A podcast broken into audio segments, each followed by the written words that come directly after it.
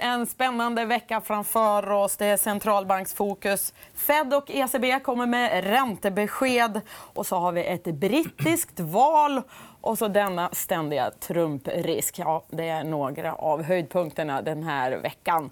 Du tittar såklart på EFN Börslunch. Det är 9, den 9 december idag. och Det är ju idag som hela Sverige lägger sin lutfisk i blöt. Eller hur?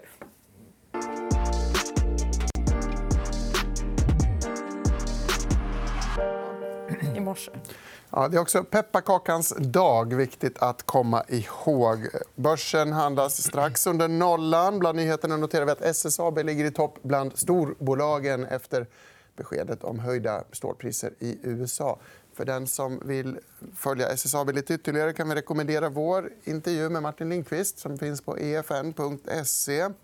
Och med det sagt, varmt välkomna Mattias och Mattias, denna dynamiska duo. Isaksson, Kulin. Kul att ha er här. Tomterally pratar vi om ibland. Kan vi räkna med något mer sprutt i börsen innan året är slut?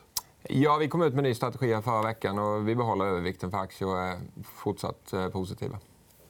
Jag är fortsatt positiv också, även om det finns en risk att alla väntar sig någon form av avtal mellan Kina och USA. Och det känns lite grann som att blir det inte avtal så går börsen ner. Och blir det ett avtal, ja, vad ska börsen gå vidare på då? Så det blir lite sell facts. Ehm, så, så med det sagt så, så kanske på kort sikt så finns risken snarare på nedsidan på väldigt, väldigt kort sikt. Men, men vi är fortsatt positiva till börsen på lite längre sikt. Vi vill gärna ha avtalet på plats inför nästa år, men det ligger nog mycket i det Mattias säger. Här.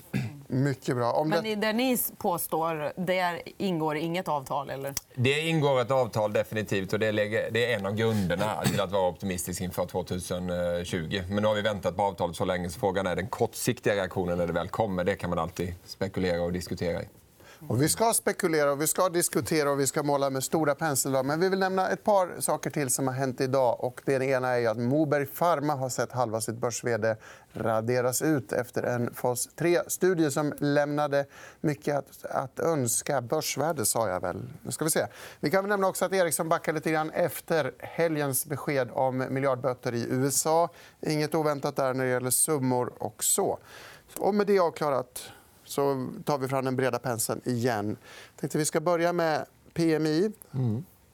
Vi har en graf, eh, Mattias, som du har ja. tagit med dig. Ja, men det här är som jag sa att en viktig bit som lägger grunden för att vara optimistisk in i 2020 är ju det här avtalet. absolut. Men en annan bit är också att vi börjar se en stabilisering i många av de indikatorer som har varit allra mest nedtryckta. Och här ser vi då ett globalt inköpschefsindex för tillverkningsindustrin som är ju en av de bitarna som det har varit mycket rädsla i och det som har kunnat vara det som skulle sätta eh, världsekonomin in i en global recession. Och nu ser vi att det här har börjat vända uppåt och vi ser en fiskkrok i detta. Och nu förra veckan så bröt du igenom den här psykologiska 50-nivån som eh, är väldigt viktig. Så det här är en indikator som visar att fiskkrokarna finns där och anledning till optimism. Vad, vad, vad kort, vad snabbt det gick. Va? Ja. var så himla oroliga här. Ja.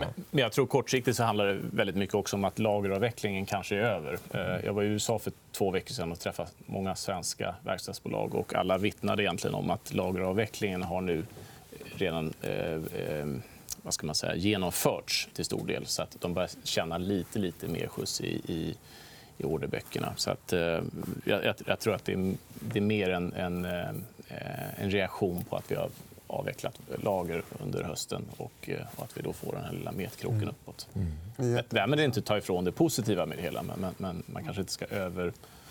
Eh, Överdriva, Överdriva eh, nej, precis. Nej, och man ska ju inte heller måla upp ett scenario att detta kommer bara fortsätta rakt uppåt nu. För det är inte det scenariot som är Fast det är ju det börsen har gjort. Börsen har gjort det, absolut. Men så ska vi också då jämföra. Börsen har gjort det nu på slutet, men perioden innan var ju desto stökigare. När vi satt här för ett år sedan så var det ju inte mycket optimism där ute. Så man måste alltid dra ut eh, perspektivet lite för att få helheten. Det är svårt att isolera till en period och säga att ja, titta på den här korta perioden. Förlänger vi perioden så kan det se annorlunda ut. Ja. Börsen är upp 25 vilket är mm. ungefär som S&P 500 om man tittar i lokala mm. valutor.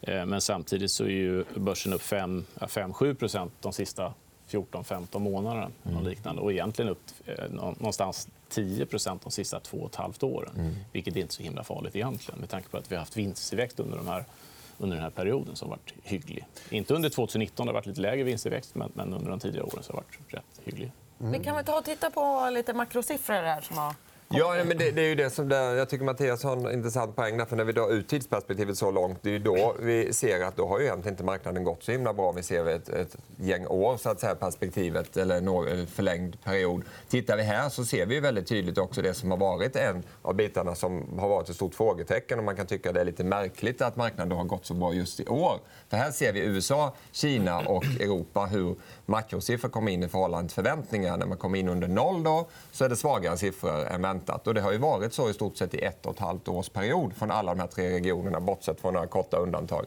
Och det har gjort att ja, men tillväxttakten, förväntningarna har gradvis skruvats ner. Och nu på slutet så ser vi att alla de här tre då börjar närma sig och ligger runt nollan. Det vill säga att nu kommer siffrorna för första gången på länge in ungefär som väntat från de här tre regionerna. Då kanske vi har en rimlig förväntansbild på tillväxten. Det är inget scenario som innebär en tydlig högkonjunktur, guld och gröna skogar. Men en rimlig bild där vi kommer att ha tillväxt i ekonomin. Och det är en grundförutsättning för aktiemarknaden. Och fantastiska jobbsiffror i fredags ja. som kanske inte är med här. Då. Nej, de är inte med. för Den här uppdaterades i fredags. Så de fångades inte upp där. Nej, det är ytterligare ett mm. tecken på att den här viktiga arbetsmarknaden i USA går väldigt bra. Den inhemska ekonomin av Uh, in, inhemska ekonomin i USA går fantastiskt bra. Arbetsmarknaden är en del av det. Så där finns goda förutsättningar att det kommer fortsätta vara starkt. Mm.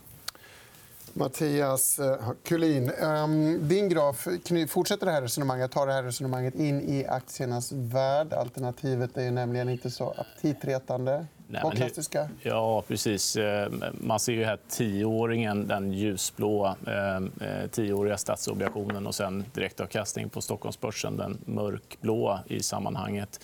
Och man kan väl bara konstatera att vi har haft ett, ett high gap, eller vad vi ska kunna kalla det, sen 2011.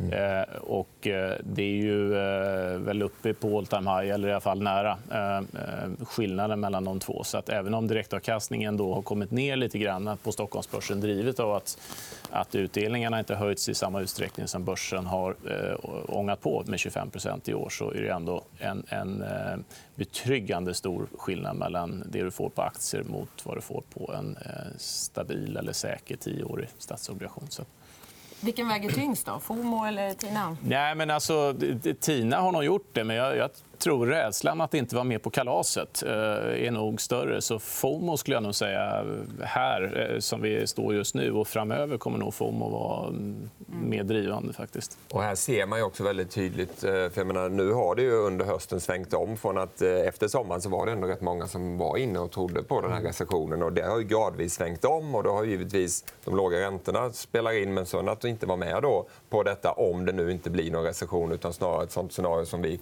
exempelvis ser framför oss med lite låg tillväxt och låga räntor. Men då, klart att då, då vill man vara med på den tänkbara fortsatta uppgången. Ja. Låga räntor, stark makro. Men hur är värderingen? då? Lämnar den orsak till tvivel? Men det är klart att pessimisterna i ett scenario där man ser en recession framför sig kan argumentera att det här är en hög värdering. Vi ligger ungefär 17% högre än ett långsiktigt historiskt snitt om vi tittar på global P-värdering. Men är det högt, givet det precis Mattias visade pratade om med de här låga räntorna? Vi tycker inte att vi kan argumentera att det är högt. Det kan bli en jobbig värdering om vi får en recession. Men får vi inte en recession är det inte detta som kommer stoppa en fortsatt tänkbar uppgång på aktiemarknaden. Mm. Som jag ser det. Du, Nej, men jag delar det. jag ser inga direkta bubblor om man tittar på aktiemarknaden i nuläget. Så, att, eh, så länge konjunkturen håller sig på den här nivån så tycker jag det ser faktiskt fullt rimligt ut. Mm. Eh. Det finns inga pessimister där ute. skulle jag säga. Även våra värsta bäsare har blivit väldigt positiva på sistone. Nej, men jag, ja, men, ja, men samtidigt så det finns inte så många optimister heller. Nej. Eh, utan De flesta är lite så halvnjugga och tycker att det har gått lite mycket och det är lite dyrare än, än det normala. och så vidare. Och, eh, det ser man även på rekommendationerna. Vi ska återkomma till det med, med en mm. liten slide senare. Eh, man lyssnar på strateger där ute. Mattias är lite positiv, men många strateger där ute tycker jag är, mm. mm. har haft fel. om man säger så. De har, de har varit bäsade. Nu kanske de är lite mer hold eller ja, sidledes syn på börsen. Eh, Nykterheten härskar? Ja, ja, ja, ja. Nej, men något, men det är definitivt inte så, inte min känsla heller, att alla är optimister. För Det är jobbigt i ett sånt läge. Om alla är optimister så då är det jobbigt att driva det vidare. Men det håller jag med dig verkligen om. Att så, det upplever inte jag heller. Ska vi se på optimisterna på Stockholmsbörsen? Då? Ja. ja men här har vi värderingen på Stockholm. och Det är ju samma sak där som eh, egentligen som vi såg på förra bilden. Ja. Samma mönster, samma... Nej, men det sticker inte ut på något sätt. Du, ser den här eh, streckade linjen. Det är, snittet eh, på, börsen. Och, så ser vi eh, grafen, då, då drygt 17. Och det känns ju inte särskilt aggressivt. Hur, hur, om vi ska titta på vinsttillväxten. Eller vill du, innan vi... ja, nej, mycket av det som ändå har lyft Stockholm här lite på slutet och nu kommit så att vi är lite högre det är ju att det som hölls tillbaka tidigare det var ju verkstadsbolag. och Det var ju då mycket relaterat till konjunkturrädsla. Mm. Men den har ju då lite överbevisats här under hösten att man kanske inte behöver vara riktigt så orolig. Då har man fått lite skjuts i många av de här tunga verkstadsbolagen. Så det har ju lyft eh, värderingen till mer neutralt jämfört med övriga eh, länder och regioner. Skulle jag säga. Sen tror jag att många svenska verkstadsbolag har blivit betydligt bättre att, mm. att bemöta en lågkonjunktur. Vilket vi sannolikt kommer att se nu från Volvo, Sandvik och andra som har blivit betydligt mindre konjunkturkänsliga man får kalla det så. och betydligt snabbare på att, att anpassa sina kostnader där konjunkturen möter, eller lågkonjunkturen möter dem. Är det där nyckeln ligger? Ja, det är en av En väl rustad börs. Det är en intressant poäng. Vi bläddrar vidare och tittar på vinsttillväxten. Som sagt. Det här får du nästan förklara lite grann. Ja, eh, det gör jag gärna. Eh, nej, men precis på eh, samma tema som att vi har sett att konjunktur och makroprognoser har justerats ner gradvis under året så har vinstförväntningarna ur ett globalt perspektiv också justerats ner. Så längst ut här så har vi världen. Det är vinsttillväxt på ett globalt index. Och där ser det ut som att det inte finns någon stapel på 2019. Och det är av den enkla anledningen att det ser ut att bli väldigt nära noll. Eh, och det är samma sak när vi tittar på USA som är ledande här i det här sammanhanget. Vi kommer att ha en nolltillväxt mer eller mindre 2019 och det hänger ihop med att vi har haft de här nedjusteringarna. Och sen om vi nu då får tillbaka lite vinsttillväxt 2020, den behöver inte bli fullt så här hög, men får vi tillbaka lite grann samtidigt som vi får med oss lite makromomentum, ja, men då är det ganska trevliga och bra förutsättningar för eh, en fortsatt resa på kan man säga några korta ord om Sverigestaplarna? För de ser ju inte så upphetsande ut. De är fortfarande vikande. Jag kan ju tycka spontant att de känns ju hyggligt rimliga eh, för första gången på rätt länge. Vi har haft rätt aggressiva vinstprognoser eh, både för 18 och 19 kände jag eh, tidigare. Men nu, om man då lägger sig kring 5-6% för 19 och 20 så känns de hyggligt rimliga. Och framförallt då när det gäller 20, mm. givet valutasituationen som vi har. Vi har lite valutadoping då för svenska företag. Så tycker jag de känns okej. Okay faktiskt. Verkligen. Mm. Jag tror vi har en värderingsgraf kvar i, i, i vår buffert. Här ligger den. Eh, ja, den här visar ju lite egentligen bara vad som har hänt med Sverige. Och det hade varit, jag menar, satt vi här för ett år sedan så ser vi den här orangea linjen som trillar ner väldigt mycket. Och då var det ju rädsla för vad 2019 skulle innebära. Och sen efter det har vi sett den gula linjen komma ner lite grann. Det vill säga vinstförväntningarna har justerats ner som vi var inne på. Men aktiemarknaden gick då väldigt bra i början av året. Sen har det slagit lite fram och tillbaka. Och nu har vi nu då stängt de här Eh, gapet. Och detta var en av anledningarna till att vi eh, då ur vårt globala perspektiv neutraliserade vår Sverigevikt för en månad sedan ungefär. För nu tycker vi att det är en rimlig utveckling på Sverige relativt övriga regioner. Och det hänger ihop med att de konjunkturkänsliga bolagen till stor del har kommit tillbaka under hösten.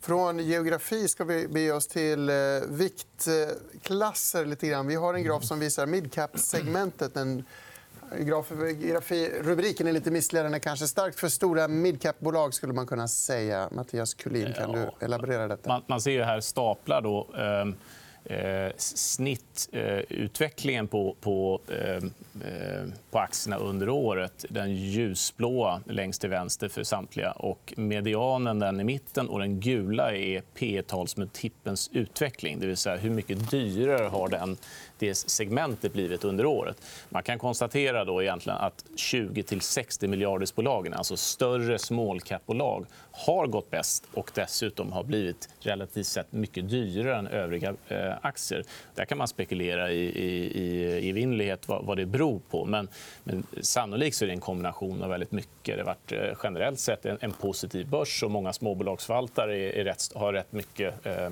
Ehm, förvaltar volym och, och, och, och, ligger exponerad mot bolag som Ica, Axfoods, eh, Sweco, BRF, Nibe och den typen av bolag som, som är dyra. Men sen har det säkert eh, varit drivet av eh, olika typer av ETFer som då har handlat in i, i större småbolag då, som har drivit de här kurserna. Och där jag tycker att man kanske har drivit dem lite väl långt. för Många av dem har blivit väldigt, väldigt dyra. Mm. Så man finner ju mer fynden bland de lite mindre småbolagen, om man får säga så. Eh, tycker vi i alla fall. Mm. Mycket intressant. Eh, intressant också att Småbolag kan vara så stora i de här sammanhangen. Mm. Tyvärr måste vi stressa på lite grann, för du har en till spännande graf som du ska snacka oss igenom. Och den visar eh, Wall Street. Ja, ja, det är S&P 500. Man, är röda stapeln. Den här grafen har lånat in från Carnegie. Ska jag tillägga. Eh, Och den röda stapeln visar då utvecklingen på Stockholmsbörsen, eller på, på eh, New Yorkbörsen. och Den vita eh, grafen visar då sentimentet, det vill säga andelen köp respektive eh, hold och neutralrekommendationer. Så när vi nu är nere på 10% så indikerar han då att eh, eh, de sista tre åren, om man mäter de sista tre åren, så har 90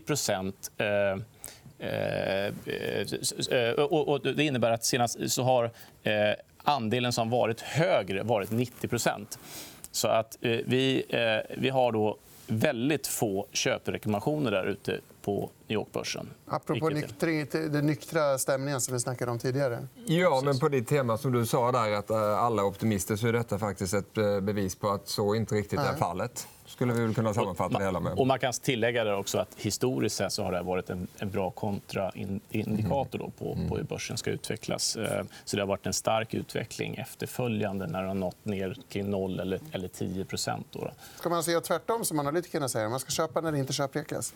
Ja, historiskt sett så har det betalat sig. Eh, Så är det. Mm. Den här killen då, som vi har eh, i bakgrunden, Ja, Trump.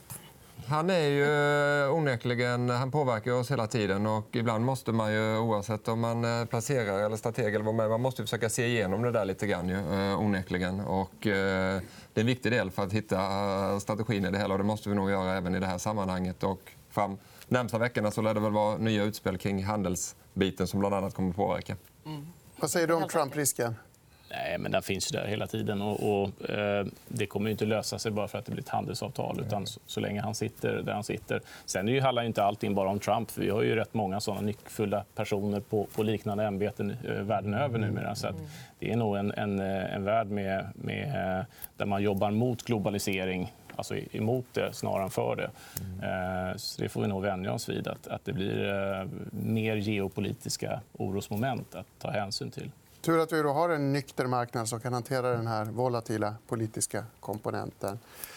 Hur ska vi fortsätta det här samtalet imorgon, Petra? Imorgon har vi bjudit in Jean George och Johanna Högfeldt. Då blir det också lite makro, lite stort och lite smått. Och tidpunkten är central och det är densamma som alltid 11.45. Häng med oss då. Tack för idag.